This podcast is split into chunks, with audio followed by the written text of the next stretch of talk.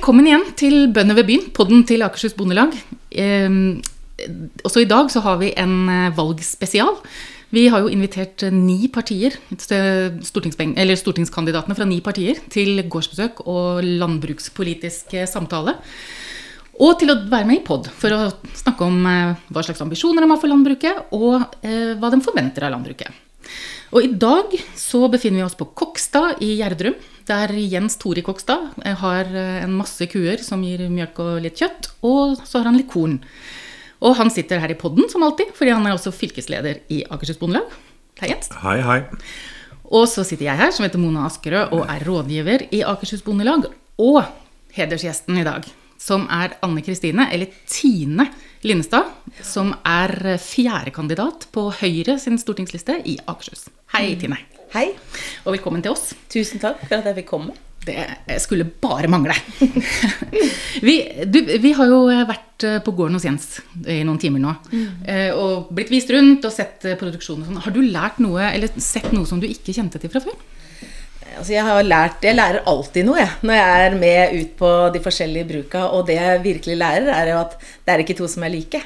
Eh, det jeg syns var veldig morsomt å se her, er når det er så stor melkeproduksjon som det er her, da, å se at all teknologien som er tatt i bruk, det er helt fantastisk. Å se at man slipper å møkke, og at eh, man får fôret på plass uten å gå og sope hele dagen. Og, nei, det er, det er imponerende. Og det er eh, det er veldig spennende. Og det er veldig spennende med det ja, at man virkelig tør da, å satse, og tør å satse med de klimatiltakene som kommer, og med, med den teknologien som både er tilgjengelig, og, og, den vi er i ferd med å utvikle. Mm. Mm. Er det sånn at du eh, nå, Du har vært på mange gårdsbruk, så er det kanskje, egentlig, kanskje ikke deg jeg skal spørre om det, men, men, er det sånn at når du ser liksom all teknologien som er i bruk, så tenker du Oi, det, det trodde jeg ikke, det visste jeg ikke. Det har jeg tenkt mange ganger.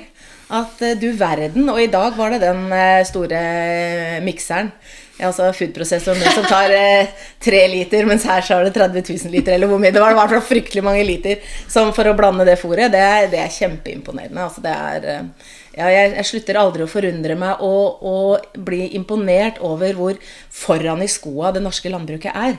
Uansett om jeg har vært i Akershus, eller om jeg har vært på Vestland eller i Nordland, så er det liksom man tenker innovasjon, man tenker nye løsninger. Man tenker å drive eh, Det er kanskje ikke så pent ord, men så rasjonelt som mulig. da, Å få den belastninga For det er en belastning å ha dyr 24 timer i døgnet. Og, det, og det, da er det noe med at man, eh, ja, at man kan legge til rette med tekniske hjelpemidler. da, Og for å få det til å gå rundt. Mm, mm. Tenker du på foodprosessoren din som eh, nyhet? foodprosessoren er altså fòrblanderen. ja, nei uh, Ja, eller full fòrvogn, vi kaller det. Men uh, nei, jeg går jo ikke og tenker så mye på det til daglig når en lever med det. Men jeg har jo vært med på hele den runden ifra fra veldig lite mekanisering til jo nå vi er der vi ikke får mekanisert så veldig mye mer. Mm. og det er jo fordi uh, det har uh, Lønnsinntektene har gått veldig opp, og det har vært, en, det har vært ganske teknologidrevet, den, den utviklinga som har vært, og at vi mm. kan drive større og større. Og så tenker jeg vel at nå er det kommet til et punkt der det ikke er mulig å ta ut så mye mer der. Mm. og at det vil variere veldig med hvor i landet du er. Altså Nå er vi på Romerike hvor det er eh, mulig å ha ganske store rasjonelle enheter og, og um, greie å ta ut en gevinst på det. Mens det meste av Norge er jo avhengig av å kunne investere og satse med, med vesentlig mindre produksjon. Da. Eh, så Norge er eh, Vi må bruke hele Norge. Ja, Norge er veldig mangfoldig. Landet vi er så glad i, er det ja, ikke det? Jo, jo, jo. Men, og det er, er vi jo. Men, jeg tenker at vi må jo legge til rette både for den som er eh, liten, den som er mellomstor, og den som er stor. Og vi må legge til rette for at de som er små, og som vil, og som har potensial og ønsker å bli litt større, også skal kunne få muligheten til det. Vi må ha variasjon. Det er ikke det samme å drive med, med et mjølkebruk mjølkebruk i Nordland som det er å drive mjølkebruk her hos deg. Det må jeg bare si, altså. Nei, det er klart. Og så kan du si at det vi eh, Nå investerte jeg ganske tungt i 2008. Mm. Eh, det vi merker, er jo at eh, inntektene på produkt, som jo betyr mye for, for oss i Akershus, er jo at markedet vi skal leve mest av det. Ja. Eh, og at eh, overføringene betyr forholdsvis mindre da hos oss. Mm. Det betyr ikke at det ikke er viktig. Det er veldig viktig. Men, men eh, vi ser jo at kostnadsutviklingen denne perioden har jo vært galopperende i forhold til det lille vi har greid å ta ut på, på i økte priser på det vi selger. da. Og særlig nå i det siste med både økte stålpriser og trevirke og fôr og gjødsel og alt. Så jeg ser jo at det har blitt en utfordring. Og, og vi har jo diskutert litt, eh, og det har jeg gjort over hele landet egentlig, at, man, eh, ja, at det man får for eh, literen for mjølka, egentlig det tilskuddet man får da, det dekker ikke lenger det, det samme som det gjorde før. Så lenge prisene på det man råvareprisen på det man trenger for drifta si, har økt så veldig mye mer enn det man får eh, per liter mjølk. Og det som er eh, vår, vårt liksom, spørsmål og utfordring til deg da, er hva kan vi gjøre med det? Fordi at som grovt sett, i hvert fall inntekten er jo litt sånn enten pris eller tilskudd ja, og, og, mye Altså, jeg mener jo at det aller meste bør egentlig gå gjennom jordbruksforhandlingene, og at det er der forhandlingene skal ligge, da. Og da må, må jeg jo si at det er fint om dere kommer til bordet. Eh, og, og, samtidig så tenker jeg at jeg har lyst til å Du spurte jo på forhånd hvilke utfordringer vi er i. Og, og det tenker jeg at vi må bli Jeg slutter heller ikke å la meg imponere over de fantastiske fantastiske råvarene vi har, og de produktene som vi kan ferdigprodusere i Norge, og som vi kan eksportere. Altså Jeg mener virkelig at den norske bonden bør bli mye flinkere til å produsere for eksport. Altså Vi har så mye flott å vise fram, og så sitter vi liksom på vårt eget lille berg og har det her. Men, eh, men vi, skal, eh, vi, skal, legge til rette for at det skal kunne eksporteres. Hvorfor skal ikke det norske fenalåret f.eks. få lov til å konkurrere skikkelig med spanske skinka? Det er to forskjellige produkt, men det er like viktig for oss å kunne vise våre ting, da. Jeg tror nok det er gjort forsøk på det, men jeg tror vel det store inntektene må komme av volum og ja, innenlands. Vi har såpass høyt kostnadsnivå at vi har en vesentlig ulempe. Men litt tilbake til det med markedet. Hvordan eh, Min bekymring, da Nå har jeg vært bonde i over 30 år, sånn at jeg skal, jeg skal nok greie å klore meg fast i de åra jeg har igjen. Eh, men paradokset der er jo at jeg er fortsatt yngre enn alderen til gjennomsnittsbonden. Ja. Sånn, Det med rekruttering er jo noe vi i Aksjes Bondelag og uh, veldig mange er opptatt av. Eh, og vi ser jo i forhold til det jeg sa i stad med at eh, kostnadene øker, og vi greier ikke å øke prisen. Og det har jo med, med at tollbeskyttelsen er blitt dårligere, at, eh, at, kostnadsnivået i Norge er så mye høyere enn i andre land at det at vi ikke greier å ta ut høyere pris i butikk, gjør at stadig mindre kommer bonden til gode. Og så ser vi at kjøpmenn går plutselig tjener 16 milliarder mer i koronaåret, mens den økte inntekta vi har fått til pga. økt produksjon, blir jo mer enn spist opp av mm. økte kostnader. Hva skal vi gjøre med dette, Tine? Nei, altså det, jeg, det, tror jeg ikke at jeg klarer å gi deg noe veldig klart svar på sånn på et lite knips. Jeg beklager det. Men, eh, men, jeg tenker at eh, det er noe med den mekanismen Hva er det som gjør da at eh, gjennom landbruksforhandlingene eller jordbruksforhandlingene så, står, så blir man enige om en pris, og så klarer liksom det, de ledda som er imellom det, dere da og meg som forbruker, det klarer liksom Det gapet blir så stort, da. Mm. Det, der må vi knekke en nøkkel. Altså, så tror jeg mye på det vi har snakka om, om, om ja, hvilket grunnlag man har, da. Beregningsgrunnlaget og, og hvordan det, det, er vi nødt for å se på. For det er jo ikke to bruk som er like. Og det er, det er noe med å overta et bruk som er eh, ja, For å si det litt sånn veldig sånn i bås, da. Hvis man er enebarn og overtar et bruk som er ferdig utrusta og investert for millioner, og det er gjeldfritt, så har man jo en helt annen utgangspunkt enn den nabogården hvor det er eh, fire søsken, og, og investeringene skal tas av den som overtar det bruket. Sånn at eh, jeg tror det er mange ting vi må gjøre her for å, for å, få ting på plass. Og så har jeg lyst til å si at jeg er glad for at vi har beholdt odelsloven også fra, fra Høyres side. At, ja. Eh, for jeg tror at det har noe med langsiktig tenking, langsiktig eierskap. Um, og så skal jeg diskutere AS og landbruket siden. Men, men uh, jeg, jeg, tror sjøl at det å ha et langsiktig eierskap gjør noe med, med, hvordan du forvalter verdiene dine, og hvordan du uh, tar vare på både bygninger og produksjonsmuligheter og ser potensial og tar i bruk ny teknologi.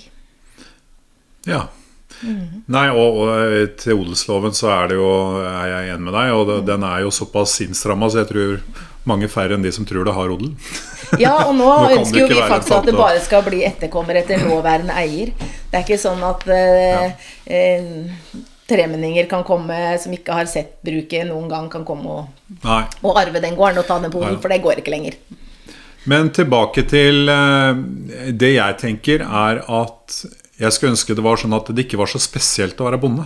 Mm. At rett og slett, som du sier, at du kan være bonde uten å måtte overta gården til halv pris, og at du har eh, forrige generasjon som går og jobber gratis, og at du må få ei kone som syns det er greit å reise på ferie aleine og gjøre det aller meste med barn og hage og hus aleine. Ja. Eh, og at jeg er ikke sjøl så glad i det der med livsstil. Nei. At det er en livsstil å være bonde. Det er ikke noen livsstilsbonde?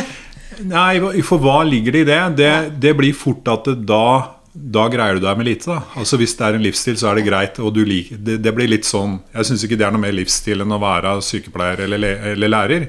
At du liker forhåpentligvis det du gjør. Ja. Og at da er jo jobben en del av livet ditt, og sånn sett en del av livsstilen. Men vi trenger jo å fylle kjøleskapet, og vi, vi må sørge for at uh, neste generasjon, eh, om det nå er egne barn eller det er andre som skal ta over, at det blir vilje til det.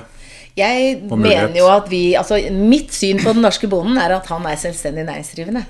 Om du er eh, bonde, eller om du er fastlege, eller om du driver et annet uh, selskap for deg sjøl, så, så, skal det jo Det er jo ingen som går inn i det uten at de har en viss formening om at dette her kommer jeg til å tjene penger på.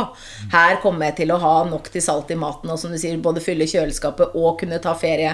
Og kunne følge ungene mine på, på fotballtrening, hvis det er det som er mine barns eh, fritidssysler. da. Og så må det være lagt til rette for både kvinner og menn.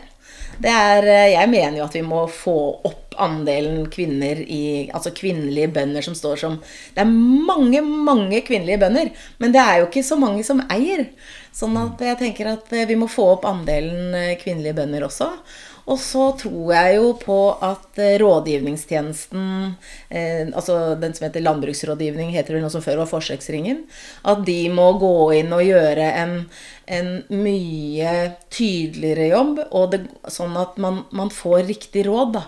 Er det nødvendig å, å, investere 15 millioner, eller holder det med at du investerer for fem eller seks?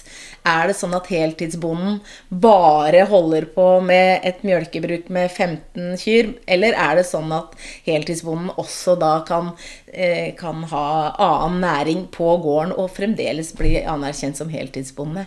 Jeg tenker at å løfte det tror jeg blir viktig framover. Og jeg er helt overbevist om at eh, flere jenter i landbruket gir flere innovasjonsmuligheter. Mm.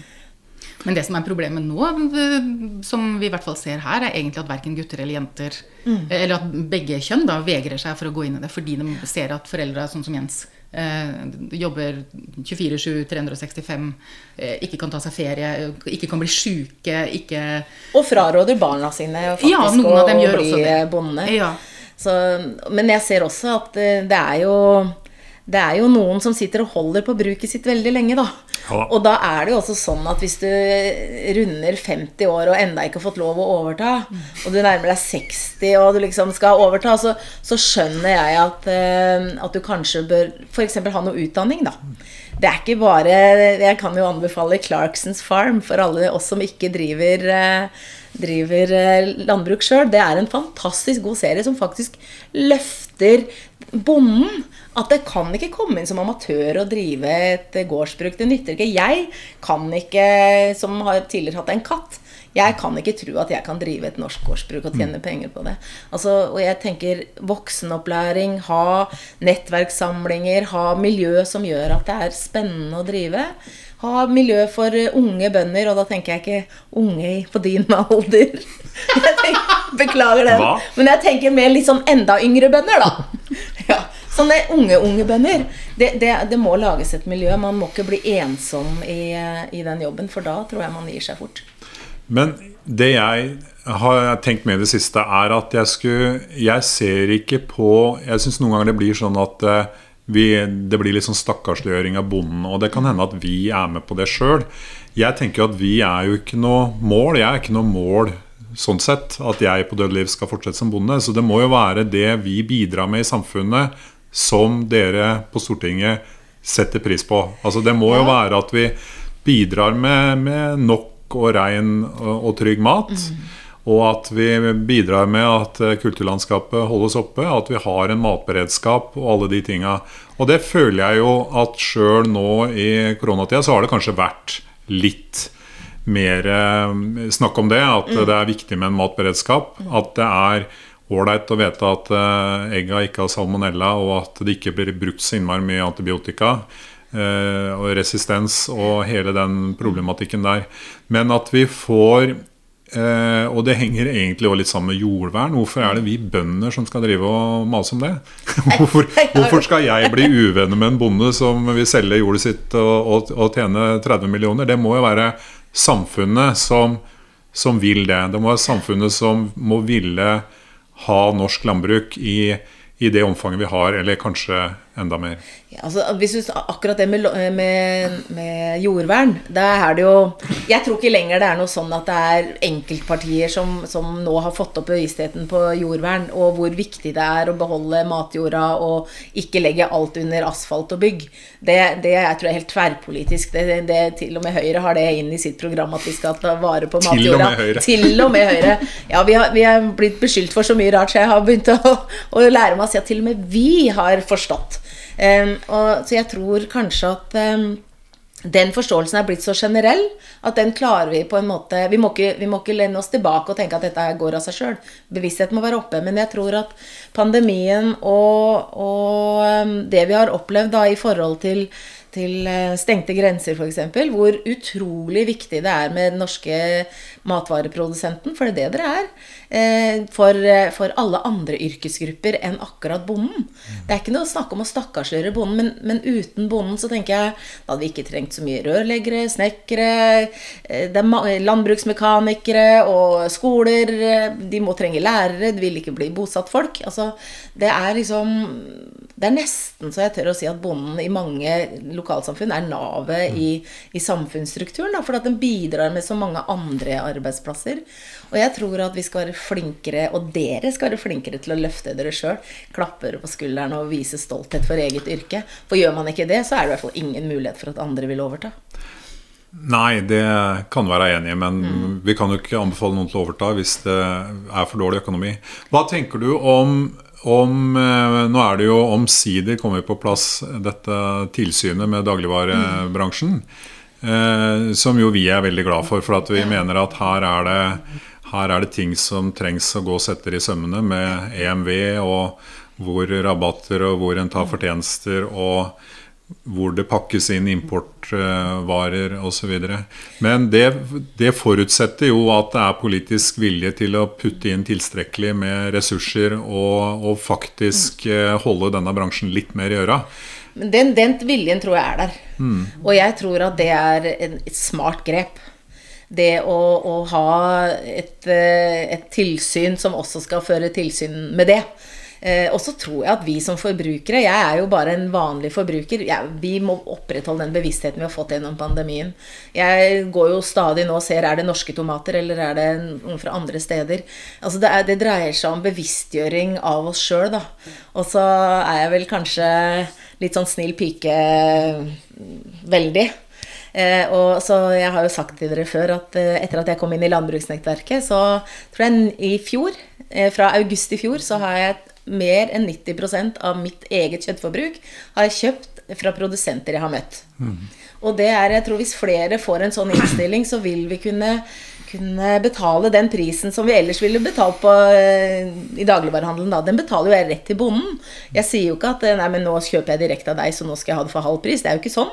Jeg betaler akkurat det samme for kiloen for mitt, uh, mitt storfekjøtt når jeg handler hos Ainas Aina Skårsmat eller, eller, på Dyster gård i Ås, som jeg ville gjort i, i butikken. Og, så det er, det er, mer den bevisstheten, og den er det dere som bønder også må, må hjelpe oss å få, og hjelpe oss til å opprettholde. For det vi er alle, jeg tror absolutt alle er litt bedagelig anlagt. Det er veldig lettvint å ta det første i disken og tenke at det får være greit nok. Men, eh, men å promotere de norske varene altså når vi kommer inn på en eller annen dagligvarehandel, da, så gjør det jo ikke noe om de norske tomatene ligger først, og så kan vi ta de utenlandske ved siden av. Men litt bak. Det ja. gjør jo ingenting. Nei, det vi ser er vel at det er jo ikke uten videre at kjøpmannen er Nei. Eller kjeden er interessert i det. Og vi er jo ikke i næringa inne i butikkene.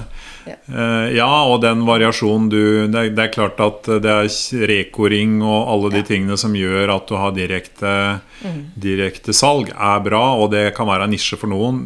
For de aller fleste så er det jo de etablerte kanalene som, eh, som vil bidra med volum og, og inntekta. Jo, men fordi at jeg er blitt bevisst på kjøtt, eh, hvor jeg handler kjøttet mitt hen. Mm. Eh, så gjør det også at jeg er bevisst på hva står det på den ja. pakka med grønnsaker. Altså er, Står det Nytt Norge, eller mm. står det Ja, eller på kjøttdeigen, hva står det her? Mm. Altså Hvis ikke jeg vet hvor det er produsert, så går jeg faktisk forbi. Og det tror jeg veldig mange andre kommer til å gjøre hvis man bare klarer å opprettholde den bevisstheten, da. Også når vi får den gode hverdagen tilbake. Men da er det jo f.eks. det å, å, at det blir strengere regel til merking av matvarer. Ja. For eksempel, at vi skal vite opprinnelsesland og, og hvor det er både hvor kjøttet kommer fra, hvor det er produsert og skåret ja. og i det hele tatt. Og at man ikke bare kan snu kjøttdeigen i pakka og kalle den fersk.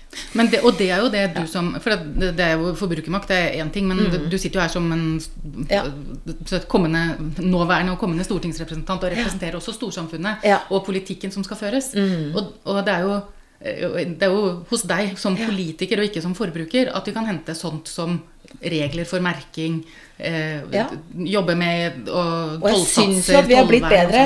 Jeg syns vi har blitt mye bedre på, på merking av, av, norsk mat. Og det kommer jo kanskje av, ja, kanskje, kanskje av tørkesommeren i 2018, da som fikk oss virkelig til å begynne å bli bevisste på at eh, nå, ikke, nå er det ikke nok fôr rundt omkring, så man begynner å måtte slakte ned besetninger av, av storfe fordi man ikke er sikker på om man klarer å, å fôre opp. Og det er sånn, det er jo et sånt eh, scenario som man ikke trodde ville komme i Norge, for den som ikke har vært veldig ja, opptatt av å inne i landbruket. da. Og så er det vel kanskje sånn at verden er litt annerledes i dag. Mm. At vi, vi, ser at det er mer med flere som Det er vel ikke gitt at f.eks. enkelte land skal stå ved handelsavtalen hvis de har for lite mat sjøl. At, Nei, det, det. at, det der å ha et eh, landbruk av et visst omfang er en eh, beredskap og en sikkerhet. Og det, det, er jo ingen tvil om. Det er også helt eh, tverrpolitisk enighet om at vi er helt avhengig av norskprodusert mat. Det er, det er, bare noen beredskapslager, og man skal ha en EØS-avtale som er en bitte liten greie med EØS-avtalen. Eh, men, men, det er jo jeg, jeg, tror jo Jeg har alltid hatt håp og tro på norske gode norske innbyggere. At de tenker også på at, hvor smart det er, da å ha vår egen matproduksjon. Vi er jo helt, fiske, altså Fiskematindustrien har jo, de har jo klart å, å, virkelig få satt fokus på det. Og kjøpe norsk laks og kjøpe norske De har jo eksportert i massevis. De er jo snart like store som olja. Men, men, jeg tror at hvis man får heva statusen, da, det er det samme som vi har fått heva på lærere, så bør man også heve statusen til bonden. Men jeg tror faktisk at hvis man skal heve noen ting som helst, må man først sørge for bedre betalt for å drive med mm. matproduksjon. For hvis ikke, så, jo, så, slutter jo folk, og så får du aldri heva statusen. Ja. Så, så, jeg er fortsatt litt opptatt av å høre hvordan du mener at man best kan jobbe for å øke inntekten til bonden. Ja, så jeg tenker jo at eh, landbruksoppgjøret, der, det er jo der det ligger. Det er, jo, altså, det er jo svært få andre land som har den samme muligheten som den norske bonden til å sette seg ved bordet og få en avtale. Og så er det men vil du da også legge mer penger inn i eh, jordbruksoppgjørpotten? Jeg er veldig dårlig på å love penger som jeg ikke er sikker på at jeg har.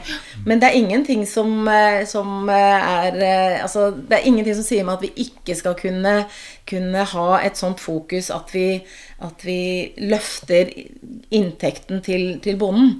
Eh, og så tenker jeg at um, Det er kanskje litt farva at det ikke blei noe ordentlig oppgjør denne gangen, for det syns jeg var fryktelig trist. Og så kan vi si at ja, det var for dårlig i utgangspunktet. Det kan godt hende, men, men, det blir i hvert fall ikke noe bedre når man ikke diskuterer det. Men jeg, jeg tenker at det, den bevisstheten vi har fått om beregningsgrunnlaget, f.eks. Eh, vi som sitter på Stortinget og som ikke er bønder Jeg må si at det er Jeg sitter i finanskomiteen. Det er vanskelig med finanspolitikk. Men hvis det er noe som virkelig er komplisert, så er det landbrukspolitikk. For det er så fryktelig det er, så, det er så mange fasetter da, og så mange forhold å ta, ta, hensyn til. Men jeg tror jo at bare det at vi virkelig turte å si høyt og tydelig at vet du hva, dette inntektsgrunnlaget her, og den beregningsgrunnlaget, her må det være noe som, som, som er feil. For jeg har jo sjøl vært selvstendig næringsdrivende. Og jeg har fått lov å trekke fra alle mine utgifter til inntekts erverv. Eh, det får jo ikke bonden. Og der kan vi nok ta en diskusjon som tar litt lengre tid enn denne ja. podkasten. Men, men, det er godt å høre, egentlig. Ja, for jeg tenker bare sånn med, med, melkekvoter som jeg liksom må kjøpe Hvis jeg hadde vært melkebonde, da, så må jeg kjøpe melkekvoter av en nabo som har lagt ned sitt melkebruk. Og så skal ikke jeg få lov å trekke fra det, den kvota på Altså hva jeg betaler for den på min inntekt. Dette lyder som sang og musikk i mine mm. ører. Har, ja, sånn du, har du snakka med finansministeren din om det? Nei, jeg har ikke det. Jeg har ikke snakka med Bollestad heller. Men, men, det er bare sånn som jeg ikke forstår. Mm. Og det er derfor jeg syns landbrukspolitikk er så interessant. Da, fordi at jeg vil gjerne vite hvorfor er det sånn. Det kan godt være en god forklaring, men når jeg ikke skjønner hvorfor det er sånn, så, så må jeg vite. Mm. Mm.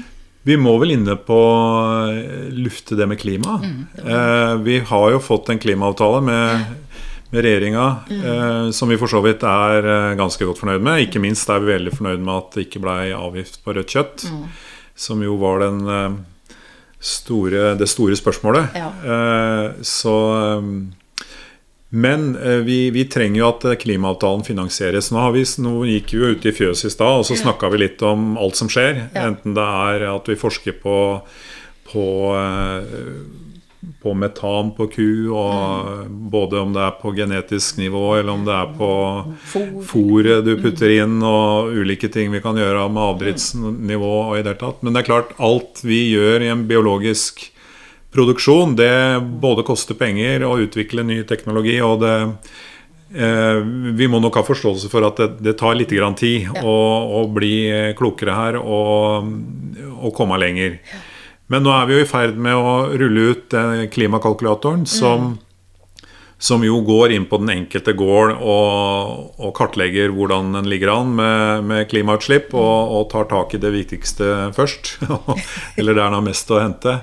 Hva, hvordan ser du på å, øh, å fylle potten med penger? At eh, f.eks. Enova kan eh, få et fond der vi kan, kan rett og slett få, få økonomi til å gjøre alle de tinga vi vil? Ja, altså jeg tenker Både Enova og alle sånne forskning- og utviklingsprosjekter, det er vi nødt for å satse på. Det er men det er, det er, vanskelig å si ja, hvor mye penger vil du putte i den potten, for det kan jeg ikke si. Men, men for meg, da, som, som ikke er bonde sjøl, så skjønner jeg jo at det er omtrent som å forebygge andre ting. Det er vanskelig å, å si hvor mye får du ut av de kronene du legger inn i den forebygginga, men det er det forskning og utvikling må være. Og Enova. Og det må være rom for å, å feile. Det må være rom for å, å, virkelig gå inn og prøve å gjøre noe ordentlig. Og der tror jeg din, det katapultsenteret som, som, Høyre har foreslått, på, som jeg jo håper kommer på NMBU på Ås, hvor jeg har en eh, kollega som ønsker at skal komme til Steinkjer, men, men, jeg vil veldig gjerne ha det til Ås. Eh, og hvor vi kan eh, få tatt den nye teknologien, altså prøvd den ut i Norge, da som et hjemmemarked, for så å eksportere den teknologien ut.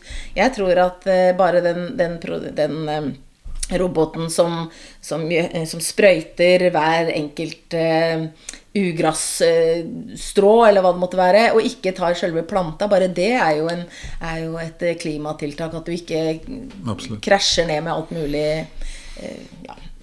Støv. Og vi veit jo åssen det, det, lukter rundt omkring når bonden sprøyter sine åkre. Og da er det bra å vite at det som treffer, det treffer det der det skal. da.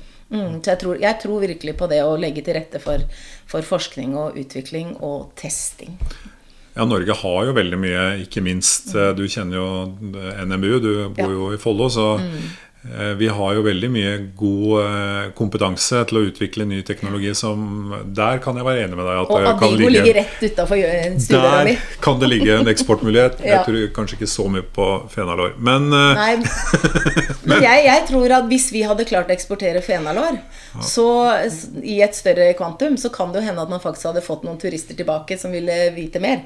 Og så hadde vi fått en reiselivsturisme, og så blir det synergi. Så jeg tenker ikke at fenalåret skal redde jordbruket. Jeg må må bare si det, altså. Det er ikke det jeg mener. Men, eh, men det har noe med å utvikle produktene Vi må i hvert fall ha et landbruk i hele landet hvis vi skal Det få vi ha. turistene til å besøke oss. Ja, men det må vi ha for bosettinga Mm. vår. Vi må ha det for samfunnet vårt. Må vi ha um, et bære... Det er snart en litt sånn slitt uttrykk, altså, men et bærekraftig landbruk over hele landet, det, det Mm. mener jeg virkelig. Det er ikke noe tull. Det blir nesten siste ord, det. Yes. Var ikke det en slags Det var slutt på opptakt. Veldig bra. Er det noe du ville ha sagt da, som du ikke har fått sagt? Nei, jeg tenker at dere, jeg har gitt dere noen utfordringer, og så har Ja. dere gitt meg mange. Og så Vi skal satse på eksport og gå til forhandlingsbordet. I, det, det, I motsatt rekkefølge, gjerne. Og så håper jeg at de som hører på, har fått øh, noen inntrykk av hva Tine og Høyre vil stå for i øh, jordbrukspolitikken. Hvis øh, dere får Jo, uansett hvor mye makt dere får på Stortinget til høsten. Um, dette var Bønder ved byen, podden til Akershus Bondelag. Jens og Mona takker for at du lytter, og kommer straks tilbake med mer. Ha det!